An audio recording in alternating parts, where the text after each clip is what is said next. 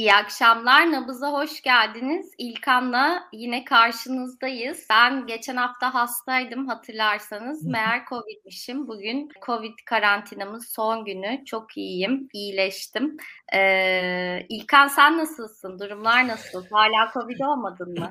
Hala Covid olmadım. Ben tahminime göre Covid'in ilk başladığı zamanlarda hala söylüyorum Sayın e, Sağlık Bakanımızın Covid Türkiye'de yok dediği sıralarda Covid olmuş e, öncülerden olduğumu düşünüyorum. Herkes gibi kendimi çok özel hissetmek istiyorum. Kendi hikayemin çok eşsiz olduğunu düşünmek istiyorum.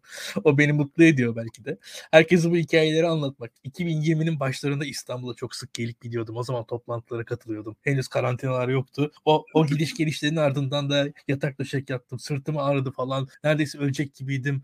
Ee, bir yandan augmentin bulduk, antibiyotikler falan derken e, işte hastalandı. O, o, o duyguyu seviyorum hakikaten. Yani bu insan e, hepimiz şey zaafları olan canlılarız. Zaafları olan yaratıklarız. Benim de zaafım bu. Kendimi özel hissetmek istiyorum ama görünüşe göre iki defa yakın zamanda bilimsel açıdan söylemek gerekirse e, Covid testi oldum. İkisinde de genç pırlanta gibi tıp fakültesi öğrencileri yaptılar testlerimi. Bir profesörün altında imzası vardı ama e, şöyle söyleyeyim Covid değildim negatif testimin sonuçları ama gayet de ben de hastalanıyorum. Şu ara hastalanan çok kişi var. E, hastalıklar yaygın. Havalar soğuk. Yani hasta olmayanlar da ben mesela hasta değilim ama hava soğukken hakikaten modum düşüyor benim. Biraz e, bir İzmirlilik, bir Akdenizlilik var üzerimde. Yani oh soğuk havada ne güzel çalışılır falan. Pek öyle bir İskandinav e, disiplini falan bende yok. Onu söylemem lazım. Yani veyahut da işte bir Rus romanlarını yazan e, izole yazarlar gibi bir mum ışığının etrafında kendini bir odaya kapatıp disipline çalışan falan o, o duyguyu da hissetmiyorum. Veya hani mesela şey vardır bu Türkiye'nin işte en iyi satranç oyuncularından bir kısmı Van'ın Bahçesaray ilçesinde yaşar derler. Bahçesaray ilçesi biliyorsun karlar tarafından yolları kapatılmış aylarca ulaşılamayan bir ilçedir. Veya ilçeydi en azından bizim zamanımızda. Orada e, çok ciddi satranç ustaları varmış. Yol yok, bir şey yok. Hepsi satranç oynarlarmış kış boyunca.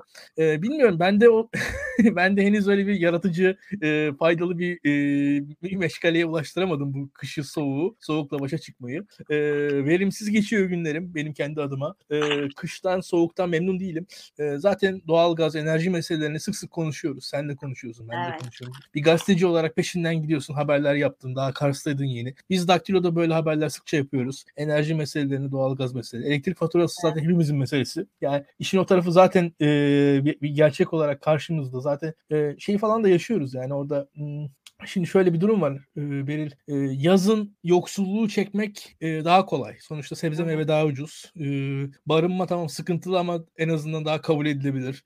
E, veyahut da evinizdeki eksikler yazın daha tolere edilebilir şeyler. Yani rutubet varsa evinizde yazın tolere edebiliyorsunuz. Atıyorum pencerenizden bir e, soğuk geliyorsa yazın tolere edebiliyorsunuz. E, ısınma derdiniz yok. Yazın tolere edebiliyorsunuz. E, faturalar vesaire yazın tolere edilebiliyor. E, ama kışın e, gerçekten kaçış yok. Yani kışın kış gerçekten zor. Kışın e, kıştan kaçış kolay değil. Beslenmesi, barınması hepsi çok zor. E, herkese bu kış için kolaylıklar dileyelim. Yani hastalanan, hastalanmayan e, herkes için. E, umarız hani ne diyeyim çalış çalışarak, disiplinle e, birazcık daha önümüzü görerek e, umarım e, tekrar düzeliriz diye düşünüyorum. E, bu arada hakikaten doğalgaz meselesinde belli şey var. Yani e, iklim şartları önemli. Yani birçok uzman şunu söylüyor. Şu aşamadaki, şu günlerdeki sıcaklık artışları yani o pazartesi salıdan haftadan itibaren o en soğukların e, bu Perşembe Cuma ile beraber azalmasının e, doğalgaz meselesindeki sıkıntıları da son verebileceği söyleniyor. Yani uzmanları tarafından. Bakalım onu da beraber izleyeceğiz. Gelecek hafta e,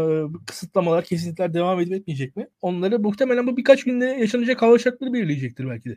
E, bu şeyden çok hoşlanmıyorum. Ben demiştim ya da sen demiştin denmesinden. Ama sen bu programda e, ortada bir doğalgaz krizi yokken böyle bir kriz yaşanabileceğini geçeceğinden, kışın sert geçeceğinden e, aslında bahsetmiştim. Hani bunun e, izlerini görmüştün ve paylaşmıştın. E, Nabız'da da diğer programlarda da. E, bir anlamda öngörün doğru çıktı. O yüzden diğer öngörülerini de dikkatle takip edeceğiz. ben şey demek istiyorum. Covid ile ilgili bir şey söylemek istiyorum. Şimdi Covid benim hafif geçti. Böyle grip gibi. yani öyle özel bir şey olmadı ama bu brain fog dedikleri işte beyinde böyle sisli bir durum oluyormuş. Onu biraz tecrübe etmiş oldum. hani beynimi çok kız yani orada biliyorum çalışıyor ama bir yere konsantre edip çalıştırma konusunda zorluk yaşıyordum biraz etraf sis stresli ve işte e, her şey çok geriden yakalıyormuşum, her şey çok yavaşlamış hissi gibi bir şey. Tabii onun da e, işte vitaminleri, supplementları var. Onları alıyorum, iyi geldi.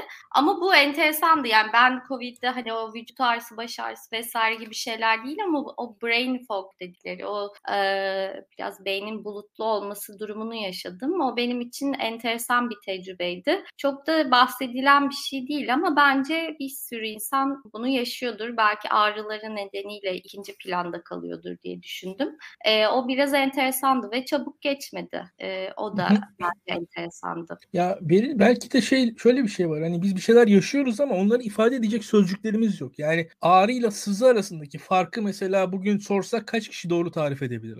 Doktorlar için ağrı ve sızı iki farklı şey kavram ve o, o iki farklı kavram bir doktoru iki farklı sonuca götürür. Biz kendi vücudumuzu kendimiz tanımadığımız gibi dilimize de bence hakim değiliz. O brain fog, o kavramı Türkçe'de biz tam anlamıyla yaşayamadığımız için belki de hani onun adı tam konulamıyor. Bazı e, bazı sıkıntıların adlarının konulamadığı için yokmuş gibi fazla edildiğini düşünüyorum ben. Yani hatta şöyle söyleyeyim. E, özellikle psikiyatrik hastalıklarda falan e, vardır bu. İşte son işte 20 yılda çok fazla arttı falan. İstatistik olarak arttı ama 20 yıldan önce adı konmuyordu o hastalığın. Yani ha. öyle bir şey var. 20 yıl önce o hastalıktan hiç kimse yaşamıyor değildi belki de. O hastalıktan yaşıyordu insanlar ama öyle bir şey adı konmuyordu. E, ifade edilmiyordu. O ifade edilmedikçe de yokmuş gibi. Yani orada istatistikler size bazen bazı şeyleri gösterir, bazen size saklar. Onu görmek. Şimdi mesela şu anki kullandığın kavramın bile İngilizce olması aslında bunun nasıl saklandığını gösteriyor bence. Ee, evet tabii teşhis teşhis konması çok e, gelişmiş ülke durumu. Bu sadece hani Covid mevzusunda değil ya da ifade edilmesi hastalıkların bu bütün hastalıklarda böyle teşhis konulması ve onunla ilgili bir politika oluşturması aslında gelişmiş ülke şeyi. Ama ben e, bilmiyorum Türkiye'nin e, Covid konusunda çok da geri kal- kalmış bir ülke olduğunu düşünmüyorum. Hani diğer alanlardaki performansını kıyasla. E, bana hani filyasyon ekibi gelmedi ama iki defa telefon, üç defa telefon açtılar. işte sordular e, vesaire ilgilendiler. Süreç gayet e, hani sorunsuz yürüdü. Ben üstüme düşenleri yaptım. Bence onlar da üstlerine düşenleri yaptılar. Sordular işte neye ihtiyacım olduğunu, ilaçlarımı söylediler. İlaçlarımı gidip yazdırabilirdim de ama zaten vardı. E, rapor ister misin? İşte iş yeri için vesaire. Hani böyle gayet kolaydı benim için. Hiç sorun e, öyle e, ciddi bir sorun yaşamadım ama tabii ki şeyi bilemiyorum. E, hani Covid'in ilk dönemlerinde hastaneye yatırma vesaire konusunda insanlar çok sıkıntı yaşıyordu ama şu anda o ne durumda bilmiyorum yani o konuda bir tecrübem yok. Ben çünkü gerçekten evde hafif bir şekilde atlattım. Bunun dışında aslında en bu hafta en çok konuştuğumuz benim seni ayrıca telefon açıp ıı, sorduğum ama burada bir kez daha sormak istediğim konuya gelmek istiyorum. Ee, biliyorsun tam da ben karantinadayken İstanbul'a deli gibi kar yağdı. Aslında Türkiye'nin her yerine çok fazla kar yağdı. Yollar tıkandı, insanlar mahsur kaldı ama en çok çok İstanbul'da gerçekten o paralı otoyollarda işte havalimanlarında çeşitli yollarda işte E5'te tam da insanlar mahsur kaldı. E, ve biz bu taksi meselesinde olduğu gibi yine e, yerel yönetimlerle e, merkezi yönetim aralı, arasındaki gerilimin tırmandığına şahit olduk. İşte İmamoğlu gerekeni yaptı mı yapmadı mı? Sonra ortaya çıktı İmamoğlu işte bu kriz sırasında bir saatlik yemeğe gitmiş e, İngiltere Büyükelçisi etkisiyle. Sonra onun iki saat olduğu ortaya çıktı çünkü Mobese kayıtları e, basınla paylaşıldı. İşte bunun üzerine İmamoğlu dedi ki benim üstüme bütün imkanlarıyla geliyorlar. Ben de işte bunun hakkında gerekli işlemleri başlatacağım. Mobese kaydı böyle işte e, hukuksuz bir şekilde dağıtılamaz dedi. E, işte Murat Ongun işte siz sıcak evlerinizde trollüyorsunuz biz burada çalışıyoruz dedi ama Murat Ongun'un aslında İsviçre'de kayak kayak tatilinde olduğu ortaya çıktı falan gibi böyle bir e, kriz yaşandı. Ben şeyi çok merak ediyorum. Bu e, olaylarla ilgili CHP'liler ya da İmamoğlu'na oy veren insanlar da İmamoğlu'na karşı biraz eleştirel davrandılar. İşte neden bu baştan söylenmedi? Neden beklendi? Bir iletişim krizi mi oldu? Ne yapıldı? Ne edildi diye. Sen İmamoğlu'nun e, tavrını, Murat Ongun'un tavrını, iletişim stratejilerini ve genel olarak o krizle başa çıkmalarını nasıl değerlendiriyorsun? Çok merak ediyorum. Çok güzel bir soru. Ee, şöyle söyleyeyim ben. Bir defa İstanbul'un yaşadığı bu kar e, hikayesine dair hani e, İzmir'den konuşmak çok da e, bir yandan da hani sen oradan konuşuyorsun da, da denebilir. E, ona katılıyorum. Yani orada yaşayan insanların sıkıntılarına e, asla büyümsemek veya küçümsemek o dışarıdan bakanın işi değildir. Biraz yerel bir şey bu yani. Orada onu görmek lazım. Ki mesela işte az önce Bahçesaray örneğini verdim. E, işte şu anda da mesela Van'dan falan görüntüler paylaşılmış. Oradan e, oranın realitesine dair. Şimdi İstanbul'un da bir realitesi var aslında. İstanbul e, tam anlamıyla bir kar şehri değil. E, bir Ankara değil İstanbul. Ama İstanbul'da çok büyük bir şehir ve e, çok büyük bir ekonomi dönüyor. Yani her ne kadar İstanbul'un işte atıyorum karla mücadele için mesela bir Moskova kadar yatırım yapmasını bekleyemezsiniz. Ama şöyle bir şey var. Asla Türkiye şartlarında da insanları siz e, birkaç gün işte hayatı tamamen durdurun. Madem kar yağıyor 5 yılda bir, 5 yılda bir de 3 gün İstanbul'da hayat stop etsin diyebilir misiniz? Çok Türkiye şartlarında denemez böyle. Yani açık konuşayım. Yani orada e, mesela bu bir hafta öncesinde Gaziantep'te çok ciddi sıkıntılar yaşandı. Karla ilgili biliyorsunuz. Yani işte o Fatma Şahinler falan gündeme geldi. Antep Adana karayolunda araçlar mahsur kaldı. Yani Antep Adana karayolunda kar yağdığı zaman insanların mahsur kalması tabii ki önemli bir durum. Tabii ki belediyeler, karayolları e, hepsi e, çok ciddi bir şekilde müdahil olmalılar doğru. Ama Antep Adana karayolunda mesela kar yağması zaten her zaman olan bir şey değil. Bunu da söylemek lazım. Yani orada aslında e, yani bir Erzurum'daki reaksiyon hızının aynısının Antep Adana karayolunda beklenmemesi gerektiğini düşünüyorum. E burada standartların da zaman içerisinde arttırılması gerektiğini ama bir anda tamamen doğayı e, yok sayan bir e, düzene geçilebileceğine çok inanmıyorum. Onu da söyleyeyim. Yani orada bir doğa gerçekliğini kabul etmek gerekiyor. E, İstanbul şartlarında benim gördüğüm kadarıyla İmamoğlu'nun yaşadığı şey temelde e, bir organizasyon e, ve iletişim sorunuydu. Burada şöyle söyleyelim. Şu gözüküyor yani o Murat Ongun'un İsviçre'den tweet atması, İsviçre'den tweet atarak konuyu idare etmeye çalışması. E, bir defa teknik olarak hatta. Yani neden İsviçre'dedir falan filan o tarafına ben girmiyorum. Onu da e, çok anlamlı görmediğim bir iş açıkçası. İsviçre'ye niye gider bir insan bu şu vakitte o da tartışılır. O, o konudaki eleştirilere katılıyorum ben. Ama e, şunu söyleyeyim ben. Ya bir insan madem tatilde o zaman bir iş yerinde şöyle söyleyelim. Yani burada ben diyelim tatile gittim. Ya bu programı e, ben tatilde değilmiş gibi yaparak sunuyor olsam komik olur. Yani burada benim yerime Enes gelir. Veyahut da Burak Bilgehan gelir. Atıyorum e, Pırıl gelir veya hani ikiniz beraber yaparsınız programı. Yani tatilde değilmiş gibi kandırmaya çalışmalar falan onlar komik. Yani hele hele e, bana asıl komik gelen şey şu. 2022 şartlarında karşıda Adalet ve Kalkınma Partisi gibi bir hükümet varken yani devletin tüm imkan ve olanakları sizin karşınızda kullanılmışken daha öncesinde. Daha öncesinde kazandığınız bir seçim iptal edilmişken, aldığınız bir mazbata iade ettirilmişken, sizin mesela İsviçre'desiniz ve İsviçre'de olduğunuzu sanki hükümet fark etmeyeceğini mi umuyorsun? Yani bu ba- bana anlatabiliyor muyum? Hadi diyelim İsviçre'desin. Yani ben şu an bir İmamoğlu yönetiminin parçası olsam, İsviçre'de olsam, benim İsviçre'de olduğumu ilk bilenlerin Adalet ve Kalkınma Partili yöneticiler olduğunu düşünerek hayatıma devam ederim. Yani teknik olarak bu ya benim açımdan budur. Yani burada ben diyelim İsviçre'ye gidiyorum.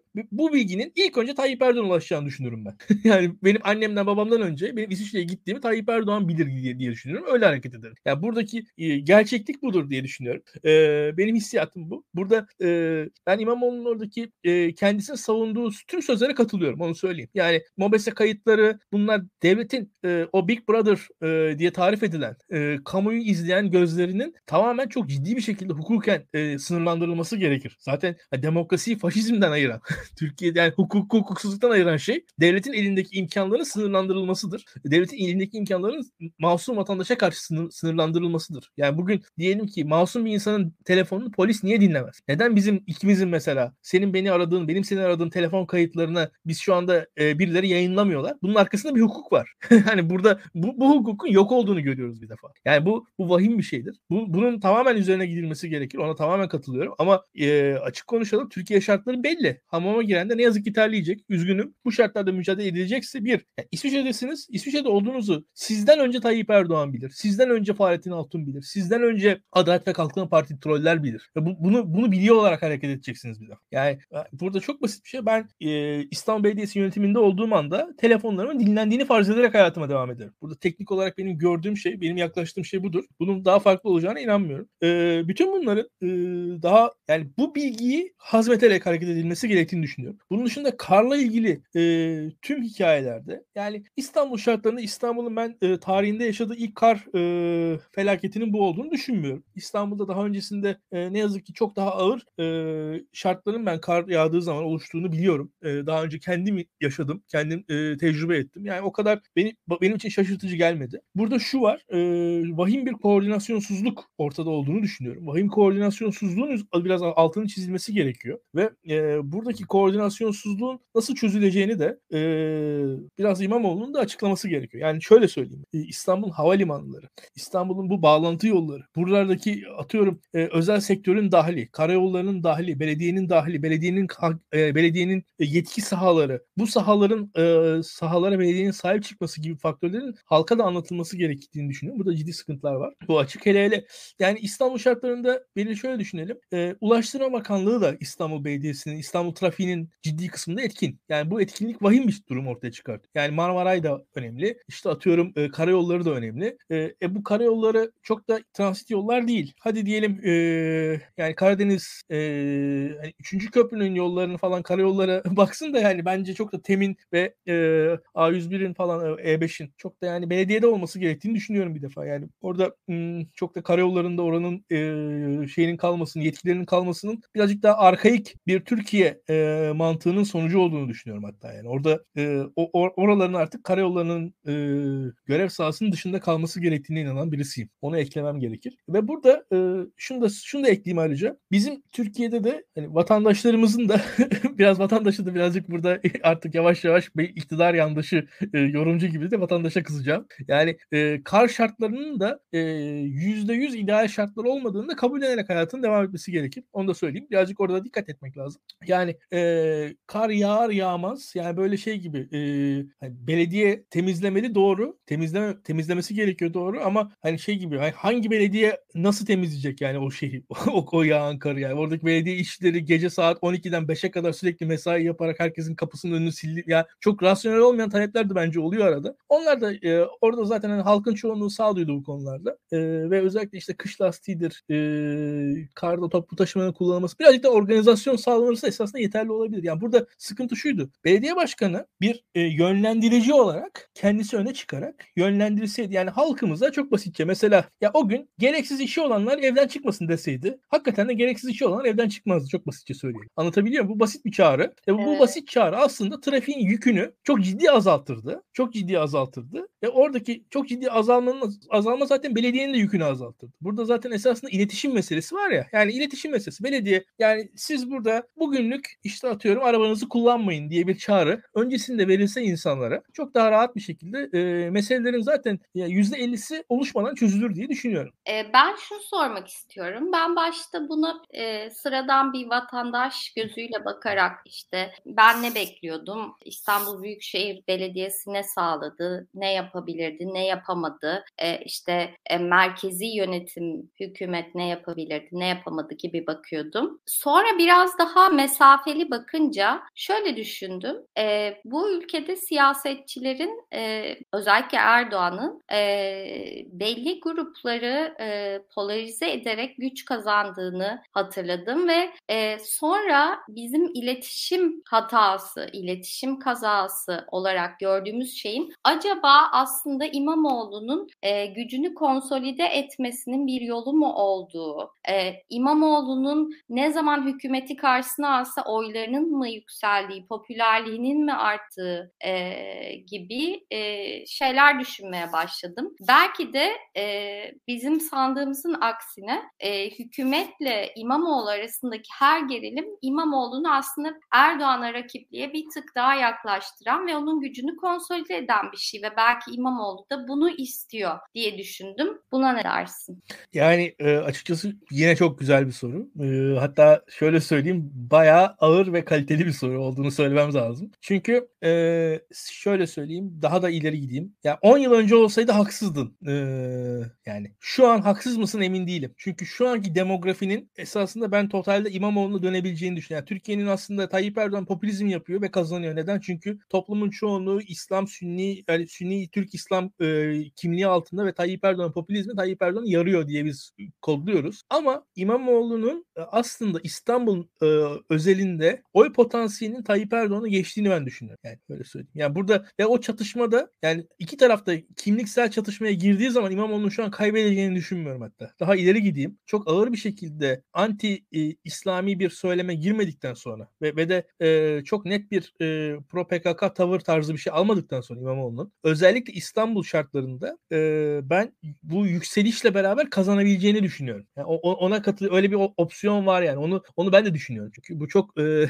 ilginç bir şey söyledin. Yani şu an ilk defa aslında Türkiye'de yani hele hele 10 yıl sonra falan e, biraz bunu Amerika'nın Amerikan sağının şu an yaşadığı krizi e, Adalet ve Kalkınma Partisi yaşayabilir diye düşünüyorum. Özellikle genç seçmendeki e, kopuşla beraber. Yani e, çünkü İmamoğlu'nun bir e, tavrıyla beraber Twitter'da mobilize ettiği kitle organik bir kitle. Yani o, o organik kitleyi arkasına aldıkça ve organik kitle çatıştıkça aslında İmamoğlu oradan e, belli bir e, siyasi mobilizasyon sağlıyor. Yani o, o, o gerçek ve o, o, o gerçeğin e, o gerçeği bildiğiniz zaman ve yani şöyle söyleyelim şimdi siz mesela siz sen ben falan hepimiz bir anda oy vermeyiz. Hayatta verdiğimiz oy yaptığımız binlerce tercihin sonucunda biriken bir şeyin e, bir, o birikmenin sonucudur. Şimdi insanları arada siyaseten mobilize edersiniz ki e, yarın bir gün sandığa da gitsinler. İnsanları evinden kaldırıp o sıcak yataklarından bir güzel güneşli pazar günü kaldırıp sandığa götürüp sen sıraya sokup yani imzalar attırıp sandıkta oy kullandıracak güç biraz da o mobilizasyonla gelişiyor. Yani ona katılıyorum yani orada e, yani İmamoğlu tarafında da bir siyasal mobilizasyon e, çabası vardır. Bu, bu, bu olabilir. Yani ama bu ne kadar organize, ne kadar e, organik, e, ne kadar suni, ne kadar organik. Yani bu gündem ne kadar doğal olarak böyle gelişti ya da ne kadar e, yapay olarak bilerek tasarlandı ondan emin değilim. Yani onu söylemem lazım. Çünkü özellikle İsviçre tarafında işin bir amatörlük seziyorum. O kadar planlı olsaydı öyle olmaz diye düşünüyorum. Ama e, belli noktalarda evet e, çatışmayı tercih ediyor. Yani şöyle söyleyelim. Yani taksi meselesinde, e, Kanal İstanbul meselesinde çatışmayı tercih eden İmamoğlu İmamoğlu. Yani bu meseleleri İmamoğlu büyütmeyebilirdi. Kimse de niye büyütmüyorsun demezdi. Şu an Kanal İstanbul falan e, İmamoğlu istediği zaman gündeme getiriyor. Taksi İmamoğlu istediği zaman gündeme getiriyor ve politik bir e, prim sağlıyor burada. Yani burada bir e, alanları var. O seçtiği alanlarda çatışmaları tercih ediyor. Şimdi bu seçtiği alanlar şu anda politikmiş gibi geliyor insanlara. Ama e, adım adım politikleşeceğini de ben öngörüyorum. Çünkü demografi Türkiye'de İmamoğlu Erdoğan ikiliği üzerinden gidersem İmamoğlu tarafına doğru dönüyor. Yani ben biraz o tarafta yani e, tamamen e, anlamsız bir eleştiri getirmediğini düşünüyorum. Ha tamam yani, ama tabii elimizde kaynağı yani elimizde bilgi yok yani bundan bunu böyle olmuştur diye çok organize bir karşımızda yani Tayyip Erdoğan'da olduğu gibi e, hani İmamoğlu medyası e, İmamoğlu'nun arkasındaki e, işte iletişim e, yapısı falan diye bir şey yok. Yani oradaki yani en, en İmamoğlu'cu Twitter'cı benim yani. Hani öyle çok da bir şey yok yani orada bir e, organizasyon yok ama yani çatışma seçmesi İmamoğlu'nun e, orada e, bir yani karşı popülist çaba var orada. Yani onu, onu ben görebiliyorum. O açıdan haklısın. Yani Mansur Yavaş'ın e, iletişim tercihlerindense İmamoğlu'nun iletişim tercihlerinin arkasında bir böyle mantık var. E, yani 10 yıl önce olsaydı İmamoğlu'na kesin kaybettirirdi. 10 yıl sonra kesin kazandıracaktır. Bugün ne olur? Gelecek seçimde göreceğiz. Öyle söyleyeyim. Evet seninle bir yazı paylaşmıştım. E, Ali Bayramoğlu'nun kararda çıkan bir yazısı. E, orada da şunu söylüyor aslında e, sosyoekonomik bakımdan Türkiye 10-15 yıl öncesine göre bile çok farklı. Ülke daha modern, daha kentli, hizmet çıtası daha yüksek ve yaygın. Üniversite eğitimiyle gelen toplumsal yükselme, kentlerde orta sınıf ve burjuva e, tanımını yeniden harmanlıyor. Kültürel alanda kesimler arası imkan yakınlaşması hakim bir eğilim sentez toplumsal kutuplaşma görüntüsüne rağmen tüm kültürel kesimlerde etkin, sağda özellikle de merkezi sağda inanç ve din enjeksiyonuyla üreyen yepyeni bir sosyal siyasal doku var. Kimlik birey ilişkisi ikincisi lehine seyrediyor. Solda farklı kimliklerle temas halinde varoluş önemli ölçüde doğallaşmış durumda. Ee, üçüncü olarak da dış faktör son derece kuşatıcı, kültürel ve siyasi içe kapanma eğiliminin öne çıktığı bir dönemi yaşıyor yaşıyoruz. E, ulus devletlerin kendi başına kaldıkları baskıyı sınırlarına sahip çıkma konusunda e, gördükleri bir dönem. Batıya mesafe, göçmen sorunu ve karşıtlığı ortalama ve hakim kimlik duygusunun kültürelden ulusal ya da ulusçu kimliğe doğru seyretmesi artan bir kendine hastalık, e, ha, kendine haslık ruh halini besliyor diyor ve do, dolayısıyla güvensizlik, umutsuzluk, tepki, çatışma, yo, yorgunluğu etrafında siyasi tahayyülün kısa, e, kısalaşması, demokratik siyasetin relatif bir talep haline gelmesi, öteki alerjisinin dışa dönmesi ilk göze çarpanlar. Bu da popülizme uygun bir iklim diyor. E, dolayısıyla aslında e, popülizm dediğimizde biz sadece popülizmin kazananı Erdoğan olurmuş gibi düşünüyoruz. Ama daha derin düşünürsek popülizmin bir kazananı daha var ve bence o da İmamoğlu diye düşünüyorum ben. İki tane popülizm e, tanımı var. İki popülizm tanımı birbirinden farklı. Birincisi e, burada ben biraz e, hani Bayramoğlu'ndan ayrışıyorum bazı noktalarda söyleyeyim. Yani e, özellikle e, İmamoğlu'nu kimlik bağlamı yani Donald Trump'ın popülizmiyle e, Joe Biden'ın veya Joe Biden gibi veyahut da Alexander Ocasio-Cortez'in popülizmini aynı noktada değerlendiremem ben. Yani orada bir, bir, bir belli farklar olduğunu düşünüyorum. Yani bu kadar popülizm kavramını da çok sündürmenin e, doğru olacağı kanaate değilim ama demografinin İmamoğlu yanında olduğunu düşünüyorum. O başka bir şey. E, şurada benim mesela Donald Trump'ta gördüğüm popülizm orada hakiki Amerikalılar biziz. Öz vatandaşlar biziz tarzında bir popülizm. Yani şimdi ve hakiki bir Amerikalılar var. Eskiden bir hakiki Amerika vardı. O eski büyük Amerika'yı tekrar kuracağız. Veyahut da dönelim Refah Partisi'nden beri gelen yani yeniden e, büyük Türkiye. Esasında tam onlarda da oluşan söylemlerden bir tanesiydi. E, devam edelim. E, burada e, benim gördüğüm kadarıyla Tayyip Erdoğan'ın da bir ne, diyor? Her zaman biz %99 adına konuşuyoruz diyor. Mesela en son e, şimdi muhtemelen konuşuruz. Sezen Aksu meselesinde bile e, aslında İslam adına konuşurken bir anda inançlar adına diye çevirdi. Birazcık daha e, siyaseten doğrucu noktaya getirmeye çalıştı ama her zaman kendisini Türkiye'deki İslam'ın siyasi sözcüsü olarak kodluyor. Yani %99'un politik sözcüsü konumunu da İslam'dan kendisine e, aslında bir anda e, alıyor. E, İslam'dan onu kendisi tevarüz ettiriyor, ettiriyor Tayyip Erdoğan. Burada İmamoğlu böyle bir e, yani Türklük tırnak içerisinde, e, İslamcılık tırnak içerisinde, Sünnilik böyle bir e, baskın kimliği üzerine alarak kendisini taşımıyor. Evet bir e, belli İmamoğlu'nun temsil ettiği nasıl bir kimlik var dediğin zaman Tayyip Erdoğan temsil ettiği kadar e, köşeli, e, sınırları belli, içine girilemeyecek bir kimlik temsil ettiğini düşünmüyorum ben. Yani şu anda ben diyelim ki şu anki inanç seviyemle Tayyip Erdoğan'la belki nereden uzlaşabilirim diye düşünüyorum. Yani belki ataerkil söylem içerisinden beni yakalayabilir. Belki biraz öyle bir tip olsaydım. Yani ama onun dışında hani e, gerçi Türküz o doğru ama yani orada yani, Türklük ve Sünnilik ve onun siyasal hali üzerinden Tayyip Erdoğan kendisini çok daha net konumluyor ve bunlar e, ben böyle konumladığım zaman oyunu Türklük ve Sünnilik üzerinden verecek olan kitle eğer seçmenin çoğunluğuysa ben seçimi kazanırım diye bak. Yani e, Millet İttifakı pardon e, Cumhur İttifakı iyi kötü böyle bir şey. Böyle bir kurgu. Ve yani %50'nin arkasında da o beka söylemi var. O hakiki vatandaşlar söylemi var. Yani e, karşısındaki ittifakın adı millet. Tayyip Erdoğan ona bile zillet diyor. Yani millet olarak görmüyor. Bu, bu da tesadüfi. Bu da yani textbook popülizm bence. E, buradan gidersem de İmamoğlu'nun söylemleri hmm, şöyle. Bayramoğlu'nun eleştirilerinde şu var. Yani Bayramoğlu'nun eleştirilerinde çağın e, sıkıntılarını Bayramoğlu yaşıyor.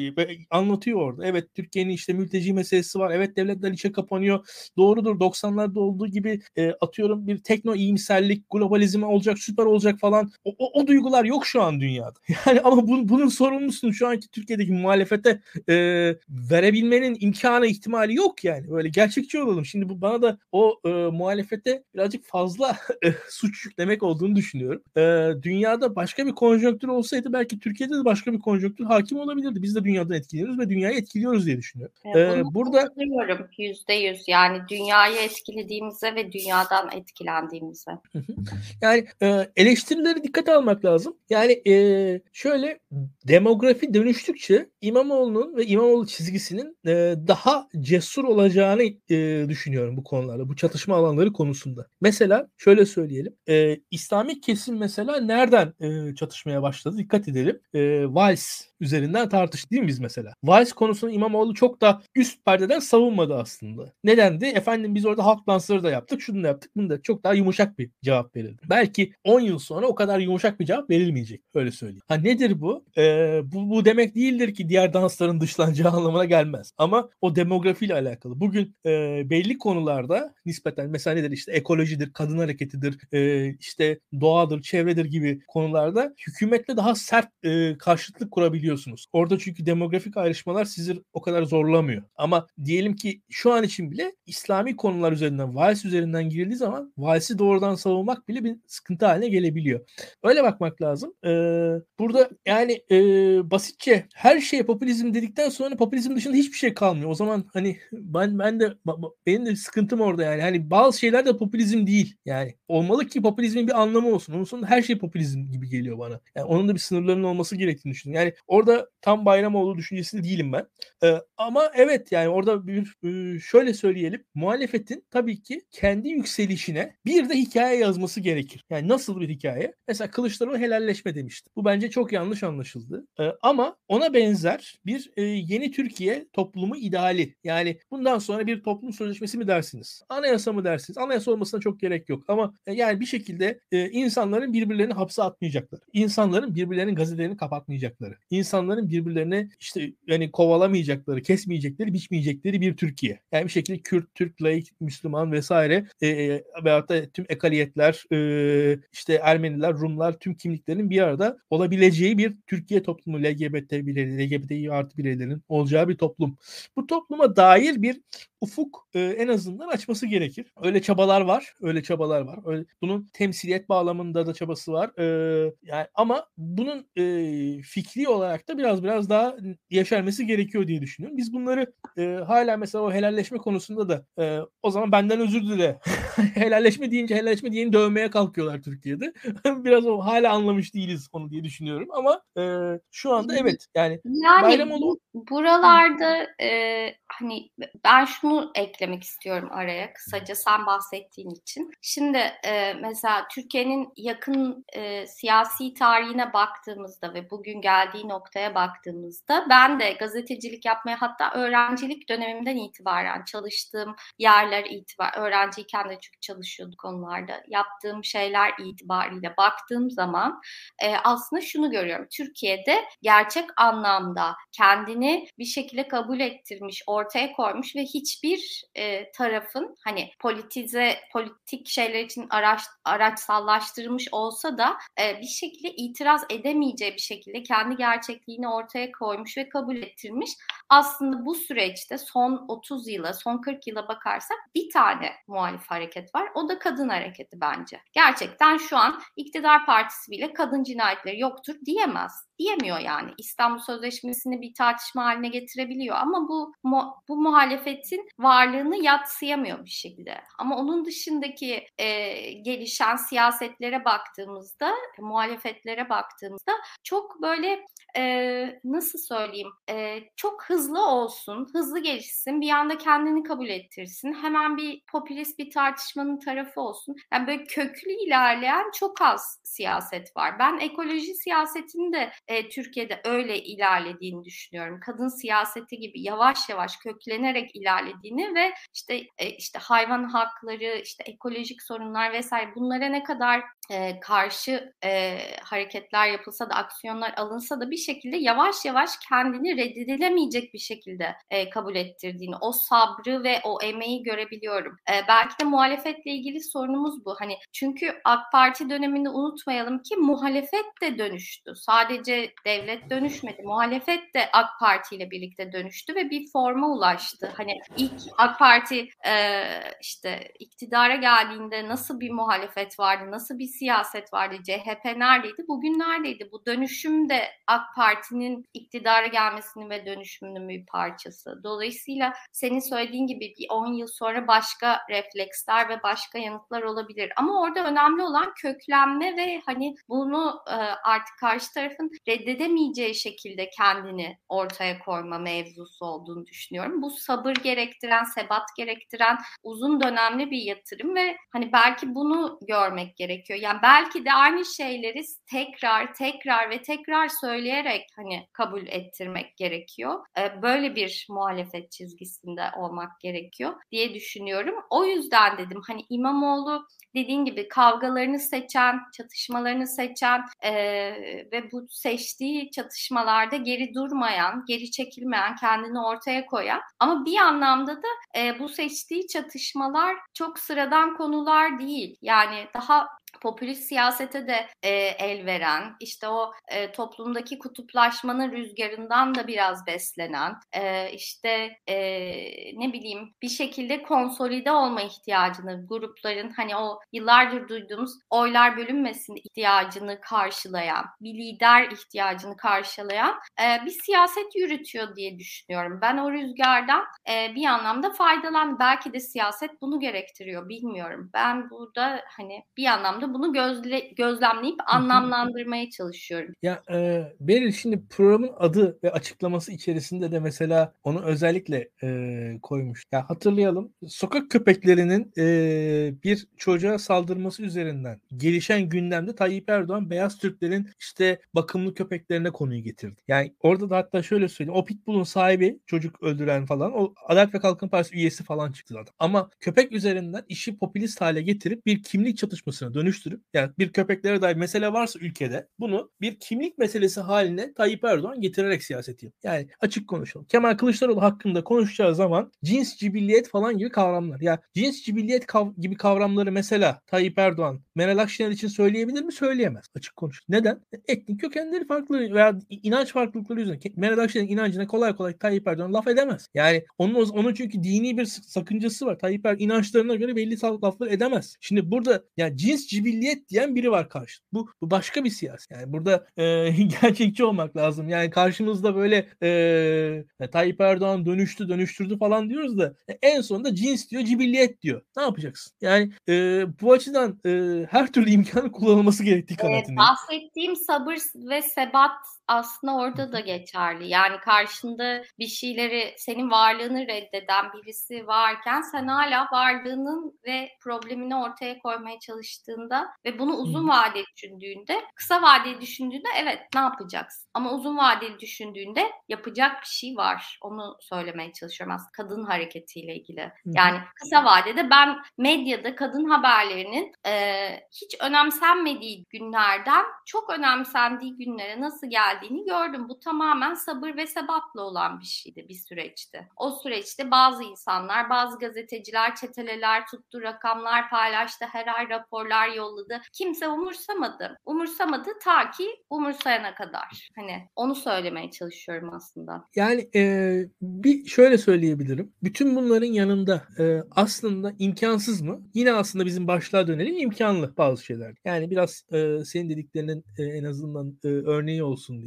E, Tayyip Erdoğan bu e, popülizmi yapıyor. E, ama popülizmi yapıyor demek aslında aa o zaman çoğunluğun duyarlılıklarını oynuyor. Ah seçim o zaman kazanacak ne kadar güzel. E, siyaset bu kadar basit değil. Ne oldu mesela Sezen Aksu konusunda geri, geri dönüş yaptı. Yani geriye çekildi. Neden? Bir şekilde neden ikna edemedi. Evet neden? Bir defa şöyle bir şey var. Ee, Nevşin Mengü söylemişti ki diğer kaynaklardan da teyit ettirdim ben bunu. Ee, o haber doğru. Yani hakikaten ben teyit ettirdim bu arada onu söyleyeyim yani. bir gazetecilik gibi bir şey yapmış olduk bir şekilde. Ee, o gerçekten o camide konuşuyor Tayyip Erdoğan ve gerçekten de e, gazetecilere oradaki konuşmasının haber yapılmaması isteniyor. Yani orada bir şekilde irticalen söylüyor. E, yani ne olursa olsun bir defa Tayyip Erdoğan söylüyor yani orada o, o dilini kopartacağız falan. Sonrasında hakikaten etrafındakiler diyorlar abi ne demiş falan. Bilmiyoruz artık bu Tayyip Erdoğan ve etrafındakilerin çalışma biçimleri e, hakkında konuşulabilecek bir şeyler. E, arkasından da ne olursa olsun işte o cep telefonu kamerası zaten yamuk çekiyor.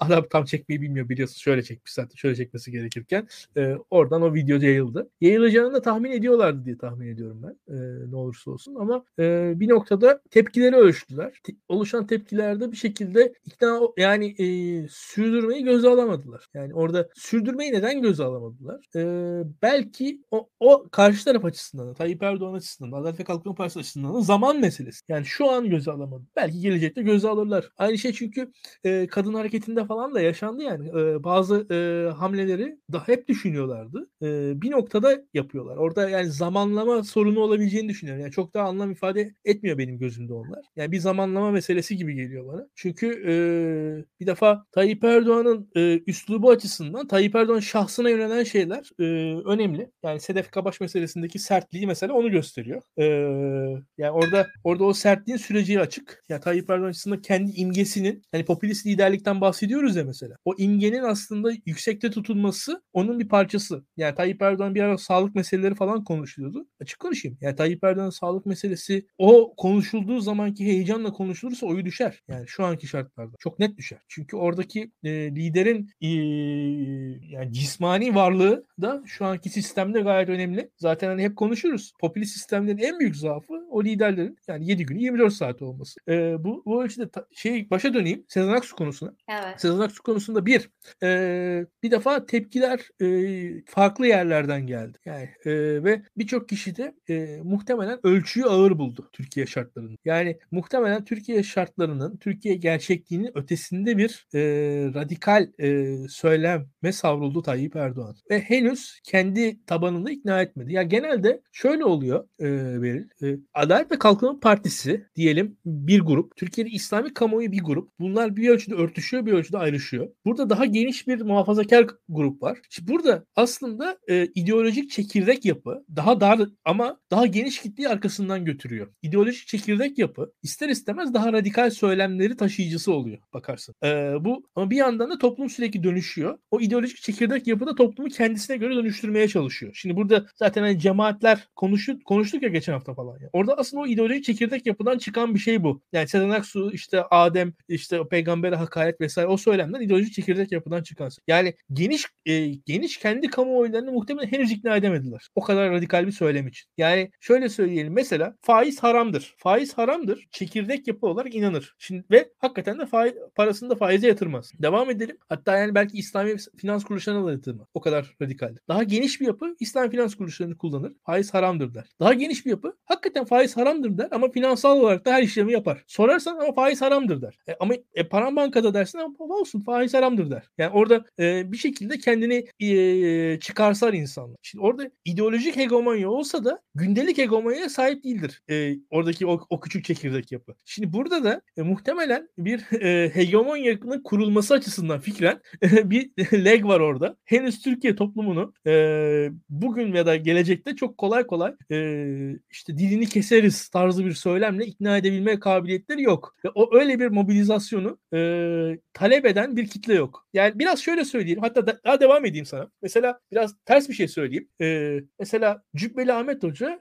gelinlik giymek e, caiz değildir falan diyor. Tamam mı? İşte Hristiyanlara benzemektir. Kendi kızının da gelinlik giydiği ortaya çıktı sonra. Şimdi bu şimdi söylem olarak odur. Pratikte bir de hayat gerçekliği var. Veyahut da birçok mesela e, İslami kesimin e, işte evlilik yaşı meselesi vardır şu anda. Öyle çok ciddi bir çekirdek kitle evlilik yaşının düşürülmesi gerektiğini, evlilik yaşındaki sınırların düşürülmesi gerektiğini savunur. Hatta şöyle söyleyeyim. E, kadın hareketinin de ana meselelerinden biri şu anda bu. E, ana direnç noktalarından bir tanesi. İstanbul Sözleşmesi'nden sonra nafaka, evlilik yaşı gibi meselelerin gündem 62-80 işte o kadına şiddet yasası, nafaka ve evlilik yaşı. Yani hakikaten tehlikeli noktalar bunlar şu anda. E, herkesin e, biraz gene mansplaining oluyor ama bu burada e, şimdi burada şöyle bir şey var. O ana kitle aslında ideolojik sert pozisyonu savunuyor tamam mı? Ama e, esasında geniş İslami kamuoyu yani çok da bir aman tanrım kızımız 12 yaşında evlensin talebiyle de çıktığına ben hani İslami kamuoyundan değilim. İslami kamuoyunu çok da övecek bir insan değilim ama güldür güldür İslami kamuoyunun aman tanrım 12 yaşında evlenmemiz gerekiyor diye ortaya çıktığını zannetmiyorum ben. Öyle bir şey yok yani. Öyle bir talep yok top. Yani Türkiye gerçekliğiyle İslami kesimin gerçekliğiyle uymuyor ama ideolojik olarak savunulması isteniyor. Evet. Yani bugün mesela çok çok radikal bir İslami işte o hocalar falan var ya onlarda. Bu kızlarına bakalım hiç zannetmiyorum 12 yaşında falan evlendiklerini. Yani orada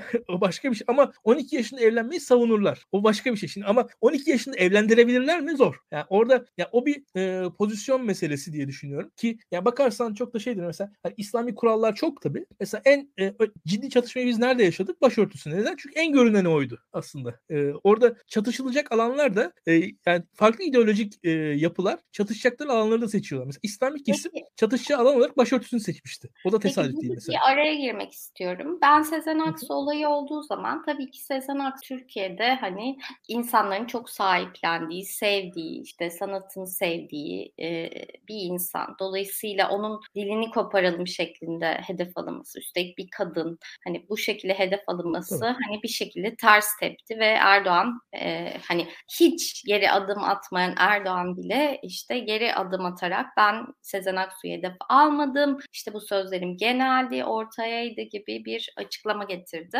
E, benim aklıma şey geldi. Benzer bir şey Gezi döneminde, Gezi e, protestoları döneminde e, Mehmet Ali Alabora için yapmıştı. Onu hedef göstermişti. Ve Me- Mehmet Ali Alabora da aslında Türkiye'nin işte en çok izlenen dizisinde başrol oynayan Memolisi, işte göz bebeği, yakışıklı jönü, işte beğenilen çocuğuyken e, ve gerçekten de hani böyle bir e, bebek yüzlü bir e, oyuncu hani adamken, saf yüzlü bir insanken bir anda şeytanlaştırıldı. Yani ondan bir şeytan yaratılabildi. Yani bir yandan da orada tuttu bu. Onu demeye çalışıyorum. Orada niye tuttu, şimdi niye tutmadı? Hani onu anlamak da zor. Hani tabii ki insanların işte Mehmet Ali Alabora'ya ve Sezen Aksu'ya duyduğu samimiyet, ilgi, sevgi farklı olabilir. Ama orada da hani çok zıt olmayacak bir karakterden bir şeytan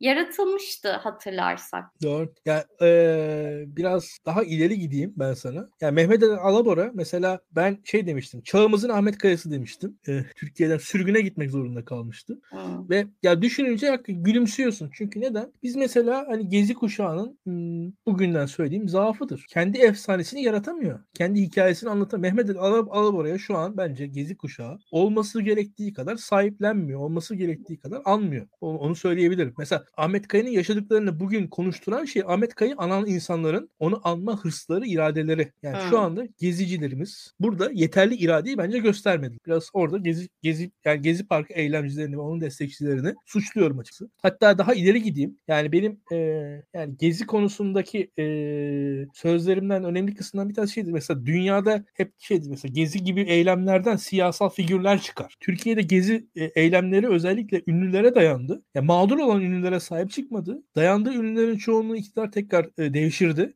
Ve hmm. onun arkasından kendisi de e, çıkartması gereken e, bağımsız genç e, muhalif figürleri de çıkartamadı. Yani biz mesela bugün hala kırmızılı kadının kim olduğunu bilmiyoruz bakarsanız. Bu, bu, bu böyle bir insan var Türkiye'de. Akademisyendi.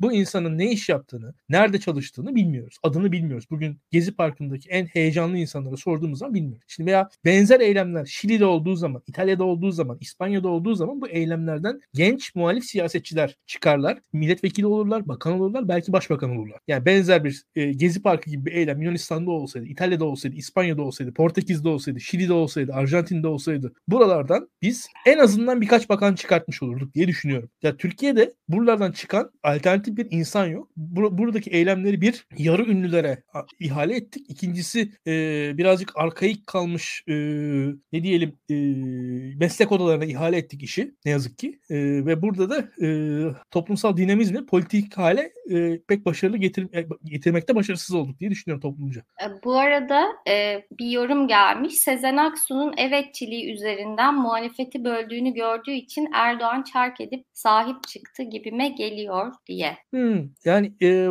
bunun doğru olduğuna inanmıyorum. Yani bu denen şey doğru. Yani Sezen Aksu'nun evetçiliği üzerinden muhalefet bölünüyor muydu? Evet. Yani bu doğru. Yani Sezen Aksu zaten savunulması gerektiği kadar da bence savunulmadı. Ama Tayyip Erdoğan bu yüzden mi hareket etti? O biraz aşırı yorum gibi olur diye düşünüyorum. Yani Tayyip Erdoğan'ın çünkü o dilini kopartırı söylemi çok ağır bir söylem. Yani o e, yani o söylemin e, varacağı yerlerin e, o söylemin ortaya çıkartacağı enerjinin e, Tayyip Erdoğan eğer o söyleme devam ederseniz sizi aşan bir e, yıkım, sizi aşan bir e, çatışma çıkabilir. Kontrol edemeyebilirsiniz diye düşünüyorum. Orada yani Tayyip Erdoğan böyle şeylerden çekinebilecek de bir insan belki de. Yani orada o, o söylemle ilersiniz. Yani dilini dilini kopartırız. Yani tamam ben Sezen Aksu'nun dilini koparttınız. Onun arkasından sırada kim var? Yani ve e, ve bu bu tarz bir e, sistemle gidilirse kontrolün elden çıkabileceğini, kontrolün Tayyip Erdoğan'ın elinden çıkabileceğini düşünüyorum. Yani o iş e, bence bir kendi kamuoyunu tam anlamıyla ikna edemedi bu kadar sertliğe. Henüz henüz ikna edemedi. Açık konuşayım ben Tayyip Erdoğan'ın iyi niyetine falan inanmıyorum. İkincisi bu kadar sertliğin şu aşamada e, ikna etse de kontrol edecek mekanizmaları kuramadığını yarın bu mekanizmaları kurar ve ikna ederse işte yapabilir diye düşünüyorum. Gayet e, benim yakıştırdığım bir söylem açıkçası bu açıdan. Ee, burada bir şeyden daha bahsetmek istiyorum. Ee, bu birkaç yılın mevzusu ama şimdi şöyle bir şey oluyordu. Ee, izleyicilerimizden bir kısmı belki hatırlar, bir kısmı hatırlamaz ama e, bu 2010'lu yıllarda işte ilk sosyal medya zamanlarında e, işte Erdoğan şöyle dedi diye bir tweet atılıyordu. İşte haber yapılıyordu vesaire. Sonra bakıyorduk aslında öyle dememişti ve o ona yakıştırılıp ağzına oturtulmuştu ya da işte başka işte hükümet kanadından insanlara şu şunu dedi, bu bunu dedi ve baktığımız zaman bu hiç denmemiş, yapılmamış oluyordu. Ee, sonra e, bu zaman içinde işte gezi sonrası yavaş yavaş şöyle bir şey oluşmaya başladı. Erdoğan şöyle dedi deniyor. Ee, sen şey diyorsun, evet yani alışığız buna, e, bu muhtemelen e, onun ağzına yakışacak diye konmuştur, böyle bir şey olmamıştır. Araştırıyorsun demiş. Hatta sonrasında şey Erdoğan şöyle demiş diyorsun diyor. Bakıyorsun daha da fazlasını demiş. Böyle böyle bir dönüşüm oldu. Ve o zamanlar mesela 2010'lu yıllarda işte bu söylemediği şeyler söylenmiş gibi haber yapıldığında, paylaşıldığında vesaire e, şeye insanlar çok inanıyorlardı. İşte Erdoğan'ın mesela e, işte zina e, tartışmasını bir gündem, suni gündem yaratma amaçlı çıkardığını, işte e, böyle popülist suni gündem yaratma amaçlı bazı tartışmalar çıkardığını, arkada çok daha ciddi önemli şeyler oldu işte. Ne bileyim işte e, çözüm süreci Yolsuzluklar gibi, vesaire gibi, işte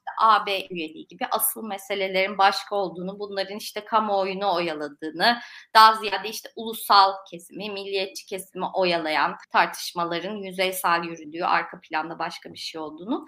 Nitekim onlar da değişti. Mesela ortaya atılan, senin söylediğin gibi, e, ortaya atılan tartışmalara baktığımızda e, tartışmalar atılıyor ve sonra şeyi görüyoruz. Bu tartışma bir geliyor, iki geliyor, üç geliyor, dördüncü de gerçek oluyor. İşte Ayasofya'da gördüğümüz gibi, İstanbul Sözleşmesi'nde gördüğümüz gibi. Ve bunların artık bu suni gündem değil. Bunlar aslında suni gündem gibi görünen gündemler. Yine işte bu son ünlüler işte tartışmalarında da bunlara gelindi. İşte yine Sezen Aksu'da da. Yani artık e, suni gündemle gerçek gündem arasında da bir fark kalmadı. O fark da aradan kalktı gibi geliyor bana. Sen ne dersin bunlarla ilgili? Şimdi e, Beril bunlar gerçekten çok doğru sorular yine. Yani hep doğru soru diyorum da şu an gerçek gündem, suni gündem e, tartışmamızın yani bize aslında biz biraz bu başta da biraz ondan dolayı seçtim. E, seçtik. E, yani bu bu ayrışma bizi doğru bir yere götürmüyor. Yani karşımızda gerçek bir medya e, imparatorluğu var. Çok güçlü bir iktidar var. Yani 19. yılında 20. yılındayız. Yani 2002'de başladı bu iktidar. 2022'deyiz şu an. Yani 20. yılı. Tayyip Erdoğan'ın iktidarda olduğu süre Mustafa Kemal Atatürk'ün iktidarda olduğu süreyi geçti Türkiye'de. Mustafa Kemal Atatürk'ün iktidarda olduğu sürede Türkiye'yi ne kadar değiştirdiğini düşünün. Ee, yani Tayyip Erdoğan'ın e, ben daha önce söyledim bunları. Yani Türkiye'deki en uzun koalisyon Tayyip Erdoğan Devlet Bahçeli koalisyonu. Türkiye tarihinde daha uzun bir koalisyon yok. Devam edelim. Türkiye'deki en uzun süreli orduyu yöneten kişi Fevzi Çakmak sonrasında Hulusi Akar'dır. 6 yıl 7 yıl oluyor. Ordunun başında teknik olarak. MIT'in başındaki en uzun süre kalmış insan Hakan Fidan'dır. Şu an karşımızda böyle güçlü bir yapı var. Yani bir defa. Yani bunun e, basitçe yani gündem değiştirmek istiyorlar. Yani atıyorum gündem değiştirmek nedir? E, yani bir ne yaparsınız yani de gündem değiştirirsiniz. Birisi çok saçma sapan bir laf eder gündem değiştirirsiniz. Yani atıyorum işte hükümetin bir bakanı gider bir e, işte Hülya Avşar'la evlenir gündem değişir. yani bu, bu, bu değil yani Türkiye'deki durum. Bir defa bu gündem değiştirme faaliyetlerinin tamamı, gündem değiştirme denen faaliyetlerin tamamı o popülist ideoloji içerisinde içerisinden e, neşet eden şeyler. Yani bir onu görmek lazım. İkincisi Tayyip Erdoğan ideolojik çelik çekirdeğine muhtaç. Tayyip Erdoğan %51'i bulmak için şu anki e, başarısız ekonomik pozisyonda kendi seçmenini daha fazla sandığa götürmek zorunda zaten. Yani e, kendi seçmeninin yani Tayyip Erdoğan için kendi %50'sinin diyelim e, dışındaki insanlardan %1 alması mı daha yüksek ihtimal? Yoksa kendi %50'sini sandığa %85 oranında gidiyorlarsa da onlar %88 oranında gitseler aslında %1,5 oyu arttırmış olacak. Dışarıdan %1 almaktansa kendi içerisinde daha büyük bir ideolojik ateş yaktığı zaman aslında daha fazla oy kazanıyor teknik olarak. Şimdi öyle bir noktada ki ekonomide başarısız olduğu için nispeten apolitik seçmenden bir oy almasının imkanı yok. Onun yerine yani ben de Tayyip Erdoğan'ın danışmanı olsam e, üzgünüm e, daha sert, daha radikal, daha ideolojik söylemleri şu aşamada tercih ederim. Yani şu an Tayyip Erdoğan'ın birleştirici bir söylemle toplumsal fay hatlarını, fay hatlarındaki gerginliği azaltıcı bir birleştirici yaklaşımla e, devam etmesi Tayyip Erdoğan'ın da çıkarına değil. Ne yazık ki şu an çatışma Tayyip Erdoğan'ın çıkarına diye düşünüyorum ben. E, İstanbul Sözleşmesi'nden çıkılması e, görünürde evet e, Türkiye toplumunun geniş kesimleri tarafından kabullenilmedi ama İstanbul Sözleşmesi'nden çıkıldı diye oy vermeyecek bir insan var mı Adalet ve Kalkınma Partisi'ne? Soru bu. İstanbul Sözleşmesi'nden çıkıldı diye oy verecek bir insan var mı Adalet ve Kalkınma Partisi? Yani zaten mesela sandığa gitmeyecek kadar radikal İslamcı olan bir kitleyi oy sandığa götürebilir bu hareket. Mesela Ayasofya yine aynı şekilde o zaten sert İslamcı kitlenin daha ziyade san daha çok sandığa gitmesini sağlayabilir diye düşünüyorum ben. Bunun gibi söylemlerin hiç de öyle e, yan günden falan olmadığı kanaatindeyim. Ve e, şu var elinizi yüksekten açıyorsunuz. Bir şekilde e, bu hükümeti benim bir diğer tarifimde şuydu benim. E, e, gelen tepkilere göre hükümetidir şu anki hükümet. Yani Sezen Aksu'da olduğu gibi. E, orada da deniyor e, ve e, her denemede de gerekirse de geri dönüş de yapıyor. E, gelen tepkilere bakıyor. Henüz değil diyor ama bir noktada yapılıyor. Türkiye'de biz bu İstanbul Sözleşmesi konusunda bir gün konuşmadık. Yani birkaç yıl boyunca tartışıldı. Yani özellikle Ahmet Davutoğlu Başbakanlığı'nın sonlarında e, nispeten Davutoğlu'na çakılmak için e, konuşulmaya başlandı. Ondan sonra yavaş yavaş ısıtıldı. Ya biz bunu böyle nafaka meseleleriyle beraber işlendi. Ya, ya hatırla yani hepimiz mesela ben Twitter'da nafaka yazıyorum altına 5 kişi falan toplanıyor bana işte şu kadar nafaka ödüyoruz sen anlamıyorsun bizi falan diye böyle insanlar böyle bir organize bir hareket vardı. Şimdi o organize hareketin karşılığını biz gördük. Ee, aynı şeyin Ayasofya içinde olduğunu düşünüyorum ben. Herkes de orada efendim yapamaz yapamaz. Yani niye yapamasın ki? Yani niye yapmasın? Neden yapmasın yani? Burada öyle bir sınırı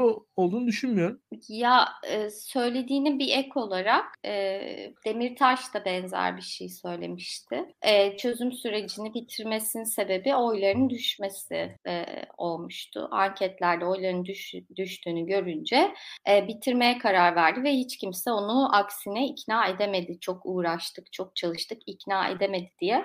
E, burada Erdoğan'ın belki e, siyaseten yaptığı hesapta yanıldığı nokta ya da e, kısa vadeli düşündüğü şey şuydu. E, eğer Erdoğan gerçekten çözüm sürecini e, tamamını erdirebilseydi, iyi ya da kötü yani fark etmez. Herhangi bir şekilde bir tamamını erdirebilseydi gerçekten Erdoğan tarihe geçebilirdi. E, yani yine tarihe geçecek ama e, o, o şekilde değil. Yani e, orada çok daha uzun vadeli kalıcı bir şey bırakabilirdi geride ve ondan vazgeçti ve daha dünyevi şeyler peşinde koştu. Aslında bir anlamda kendi ideolojisine ters bir şey yaptı. Çünkü kendi ideolojisi, savunduğu ideoloji, milli görüş e, dünyevi olduğu kadar dünyevi olmayan değerleri de savunan, onlar için çalışan e, bir ideoloji. E, dolayısıyla Erdoğan aslında daha e, e, hani hazır, yakın, dünyevi bir şeyi tercih etti ve bence asıl kırılma orada başladı. Ondan sonrası hani ideolojik şeylere otur ne kadar oturtursa oturtsun bundan sonra yaptığı her şey aslında e, şu anda elde ettiği e, gücü konsolide etmek ve hani sürdürebilmek üzerine bir politika. Hani ideolojiyle süslense de asıl hedef bu diye görüyorum ben. Bilmiyorum sen ne düşünürsün? Yani ben bunu tartışırım. Ben bunu tartışırım. Şöyle tartışırım. Yani dediklerini e, reel olarak, somut olarak yanlışlayamam ama şöyle farklı bir şekilde anlamlandırabilirim diye düşünüyorum. Şöyle ki e, ya, e, Molotov-Ribbentrop e, Ribbentrop paktı var mesela. Sovyetler Birliği, Almanya, Nazi Almanyası arasında. Stalin'le Hitler'in arkasında olduğu bir anlaşma. Sovyetler Birliği ve e, Nazi Almanyası saldırmazlık anlaşması imzalıyorlar. Birbirlerinin varlıklarını tamamen zıt iki ülke yani, yani tamamen birbirine tamamen zıt iki fikir e, üzerine kurulmuş iki ülke saldırmazlık anlaşması imzalıyor. Bunlar aslında e, neticede pragmatik olduklarını ve ideolojiyi önemsemedikleri anlamına geliyor mu? Gelmiyor. Aslında bu kadar pragmatik olabilmeleri ideolojik açıdan çok radikal olduklarının sonucunda e, kazandıkları bir genişlik diye düşünüyorum ben. Mesela Nixon e, Amerika'nın Amerikan tarihinin belki en büyük antikomünistiydi ama Çin'le olan e, Amerika ilişkilerini başlatan başkandır e, Richard Nixon. Yani Richard Nixon e, o kadar radikal, sert bir antikomünist olabildiği için aslında Çin'le ilişkileri başlatabilecek kadar pragmatik. Yani Sovyetler Birliği'ne karşı biz, bizim Çin'le ittifak yapmamız lazım fikri üzerinden. Yani yine komünist olan diğer bir ülkeyle ittifak yapabilmeliyiz ki komünist Sovyetleri yenelim. Her türlü pragmatik hareketi yapalım diyebilmesi çok radikal bir antikomünist olması sayesinde mümkün oldu diye düşünüyorum. Yani burada da Tayyip Erdoğan açısından iktidarda kalayım ki ne olursa olsun iktidarda kalayım ki ideolojimi ben e, hakim kılabileyim fikrinin ben e, etkili olduğunu düşünüyorum. Yani ben Tayyip Erdoğan'ı e, diğer yorumculardan, diğer e, bana benzer yorumculardan farklı olarak ideolojisinden bağımsız asla okuyamıyorum. Yani e, Tayyip Erdoğan bence asla bir Mustafa Sarıgül değil, bir Cem Uzan değil karşımızdaki. E, öyle e, bir siyaset hayvanı, yani bir e, political animal yok karşımızda sadece. Evet siyaseti çok iyi biliyor. Evet çok pragmatik. Evet anketlere bakıyor doğru ama ideolojiden tamamen arınmış bir kişinin karşımızda olduğuna inanmıyorum. Ya e, bu, bu uzun konu. Yani burada evet. e, senin dediğin aslında diğer sorulara ben tam cevap vermedim. Yani orada e, bir önceki sorun daha e, derinlemesine işlenmesi gereken bir soru bence. Yani orada e, orada daha uzun gitmemiz lazım. Daha uzun konuşmamız lazım diye düşünüyorum. Yani biraz e, çok konu var. Yani çok güzel konular bunlar. Hatta hatta ben bugün konuları çok beğendim. Daha uzun e, tartışalım da değişelim istiyorum. Yani e, özellikle. Ve burada tartışalım yani... tabii ama bir saati geçtik yavaş yavaş. Doğru. Bir yandan da toparlayalım. kesinlikle çok haklısın. Kesinlikle çok haklısın. Yani biz bunu e, işte öyle bir noktadayız ki muhalefetin akıllı olması gerek. Yani e, geçen yayınlarda mesela söylemiştim. Bugün e, siz işte e, cemaatlerin yurtları e, kapansın dediğiniz anda bir bakarsınız Türkiye şartlarında kızlı erkekli evleri kontrol eden devlet görevlileri karşınıza çıkıverir. Yani öyle bir noktadayız ki birincisi özgürlüklerimizin e, bilincinde olmamız ve onları savunmamız gerekiyor. Kolaylıkla e, en e, sert söylemleri söylemenin, onların peşinden koşturmanın bizi rahatlıkla kolay galibiyetlere, e, başarılara, e, muzafferiyetlere ulaştırmayacağını bilmemiz gerekiyor. Bir anda bağırmanın, bir anda çağırmanın öyle hep kolay olduğunu ama sonuç vermediğini görmek gerekiyor. Daha akıllı olmak gerekiyor diye düşünüyorum. Bunu e, son olarak yine bir izleyicimiz sormuş. E, sadık izleyicilerimizden bu. Erdoğan tanrısal bir ben merkezci, narsist, e, narsisist güç gösterisi sergiliyor olabilir mi? Döverim de severim de sıradan insanlar gibi ilkelere ihtiyacım yok hesabı. Hmm.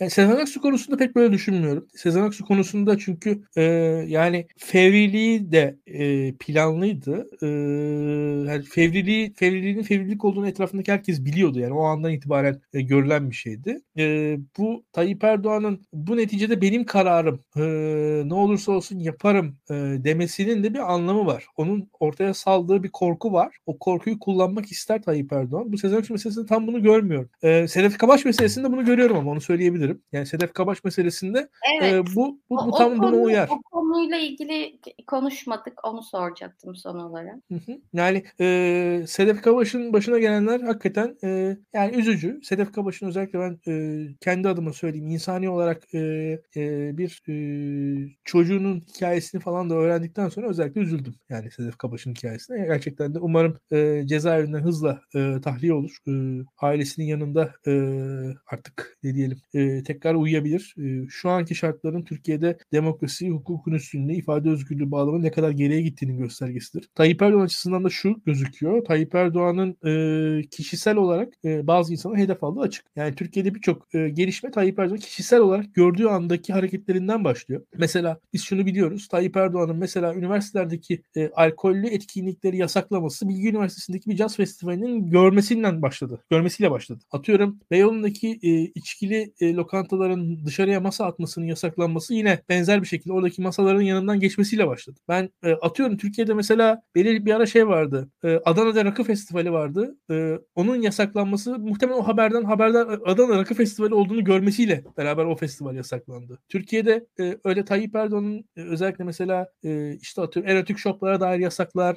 LGBT pride'lara dair yasaklar. E, bunların hepsi Tayyip Erdoğan şahsi olarak yasakladığı şeyler Türkiye'de. Ne yazık ki biz bunları görüyoruz. E, yani burada e, şu şunu gö- şunu görmek lazım. İlkeleri savunmak gerekiyor. İlkeleri beraber ilkeleri beraberce savunmak gerekiyor. Farklı fikirlerde olsak da muhalefetin bu konularda yan yana durması gerekiyor diye düşünüyorum. E, bizim bu e, fevriliğe, şahsiliğe, kişiselleşmiş iktidara karşı kurumsal iktidarı, ilkeleri, hukuku, kanunu savunmamız gerekir diye düşünüyorum. Sedef Kabaş'a da e, umarım e, kısa sürede özgürlüğüne kavuşur.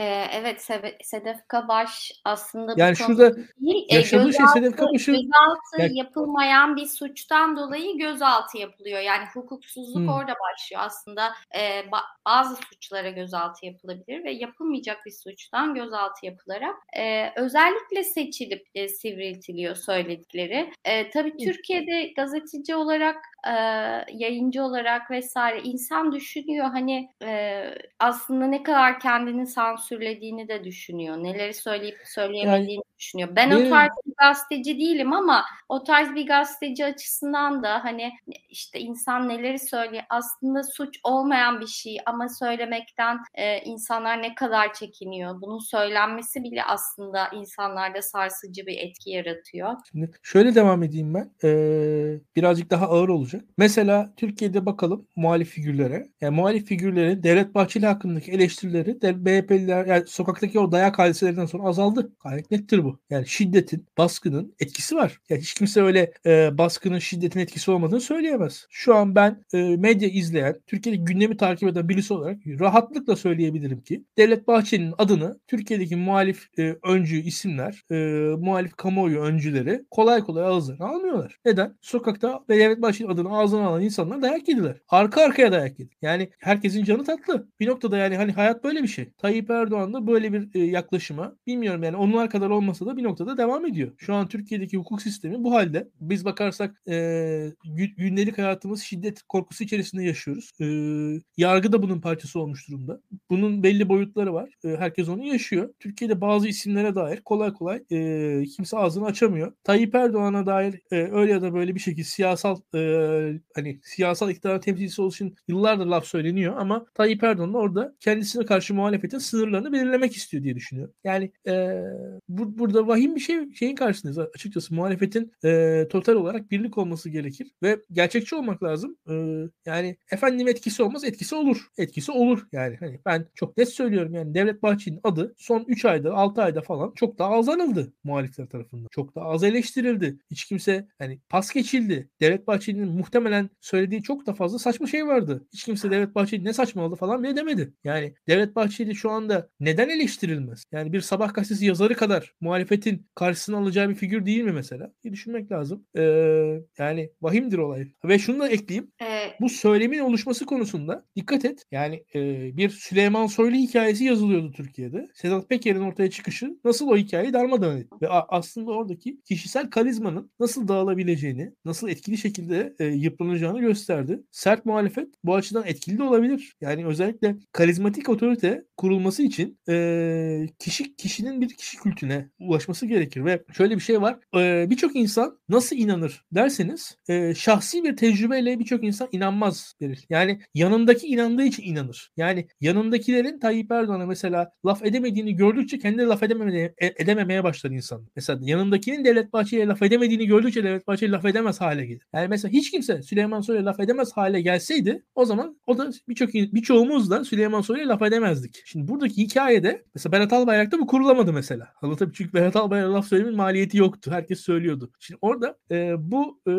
burada bir öncü olan laf söyleyen insanların bir şekilde yanında durmamız gerekiyor. E, ve burada da e, bu mekanizmanın farkında olmamız gerekiyor. Yani insanlar aslında genelde e, birbirlerini taklit eden canlılar. Yani insanlar birbirlerinin o bulundukları ortamın, bulundukları habitatın etkisiyle hareket eden insanlar. İnsanlar genelde öyle hareket ederler. Bu e, numunelik hadiseler de habitata e, havasını katmak, rengini vermek. O, o suya bir mürekkep tanesi bırakılır ve o suyun rengi değişir ya. Biraz da öyle. Yani Yani şu an Sedef Kabaş olayı öyle. Daha öncesinde işte atıyorum e, o e, şiddete uğrayan gazeteciler hadisesi öyle. E, Levent Gültekin hadisesi falan öyle. Yani ben öyle görüyorum. Ee, Valla yani Sedef Kaba, Kabaş mevzusu e, aslında Türkiye'nin hani e, iki tarafında muhalefetin de iktidarın da e, sorunlarıyla yüzleştiren bir şey oldu benim açımdan. E, hani muhaliflerin de sözün nereye kadar gidebileceğiyle ilgili, iktidarın da bu sözü nereye kadar kaldırabileceği, taşıyabileceği ya da kaldıramadığı, taşıyamadığı ile ilgili. E, ama şeyle ilgili bir şey söylemek istiyorum. Çocuğunun e, özel durumu, rahatsızlığı ile ilgili. E, maalesef Sedef Kabaş işte gündem olduğu için bunu biliyoruz ama e, çok bilinmeyen tek tük haberlere konu olan e, işte çeşitli suçlar özellikle terörizm e, suçlarıyla bir şiddet içeren, cebir içeren e, eylemlerde bulunmadıkları halde e, cezaevine gönderilen e, anne babaların işte lösemi çocukları, kanser çocukları ailelerini hiç görmeden hastalıklarının tedavilerini yürütüyorlar. E, geçen hafta konuştuk e, babası KHK'lı bir gencin e, intiharını. E, yani bu çok çok ciddi bir sorun. Yani bu gerçekten hasta olan, e, rahatsızlığı olan ve ebeveynlerine ihtiyaç duyan, kanser olan, ölüm döşeğinde olan çocukların ailelerinden ayrılması e, artık bu ceza falan değil başka bir boyut. E, keza cezaevinde büyüyen bebeklerde başka bir boyut ve ben şunu esefle karşılıyorum. Bu konuda çok az insan ses çıkarıyor. İşte Cemre Biran ses çıkarıyor. E, çünkü kimse o insanların yani ses çıkardıkları zaman o insanların suçlarıyla bir şekilde anılmak istemiyor. Bir şekilde bir bağ kurmak istemiyorlar. Ama bu o insanların su- neyle suçlandıkları, kim oldukları, neye inandıklarından bağımsız bir durum. Çocukların geleceğiyle ilgili durum. Yani bu tarikat meselesine işte Enes'in Enes Kara'nın intiharından çok daha farklı bir şey değil. Yani belki onu anlamak, ona göre de bir muhalefet geliştirmek gerekiyor. Gerçekten bu sesler çok cılız çıkıyor. Ee, bunu da paylaşmak istedim hani buradan. Çünkü ben e, bundan çok rahatsız oluyorum. Bu ayrımcılıktan rahatsız oluyorum. Yani ne olursa olsun çocuğun ailesi neyle suçlanırsa suçlansın. Sonuçta e, eğer ortada bir cebir şiddet yoksa, e, ciddi bir delil yoksa ve o çocuğun hastalığı veya her ne olursa olsun ailesine ihtiyacı varsa ailesiyle birlikte olmalı. E, çünkü biz seninle de konuşmuştuk. Türkiye artık e, Türkiye ataerkil diye konuşuyoruz ama Türkiye e, biraz da e, şey oluyor. Yani çocukların ailelerdeki en önemli varlık haline geldiği, aile, çocukların aslında ailenin en önemli parçası olduğu, en fakir, en yoksun ailede bile bütün imkanların, olanakların çocuklar için harcandığı, çocukların geleceği için harcandığı, çocuk erkil bir e, sosyolojiye doğru evriliyor ve çocuklar gerçekten Türkiye'de çok önemli. Dolayısıyla e,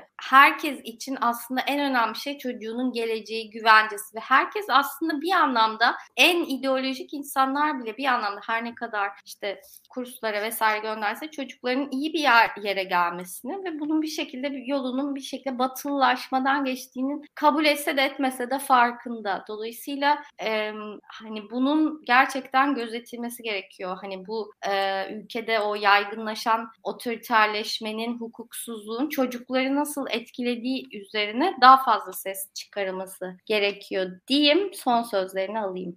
Yani e, senin sözlerinden sonra çok fazla bir şey eklememe gerek de yok Beril.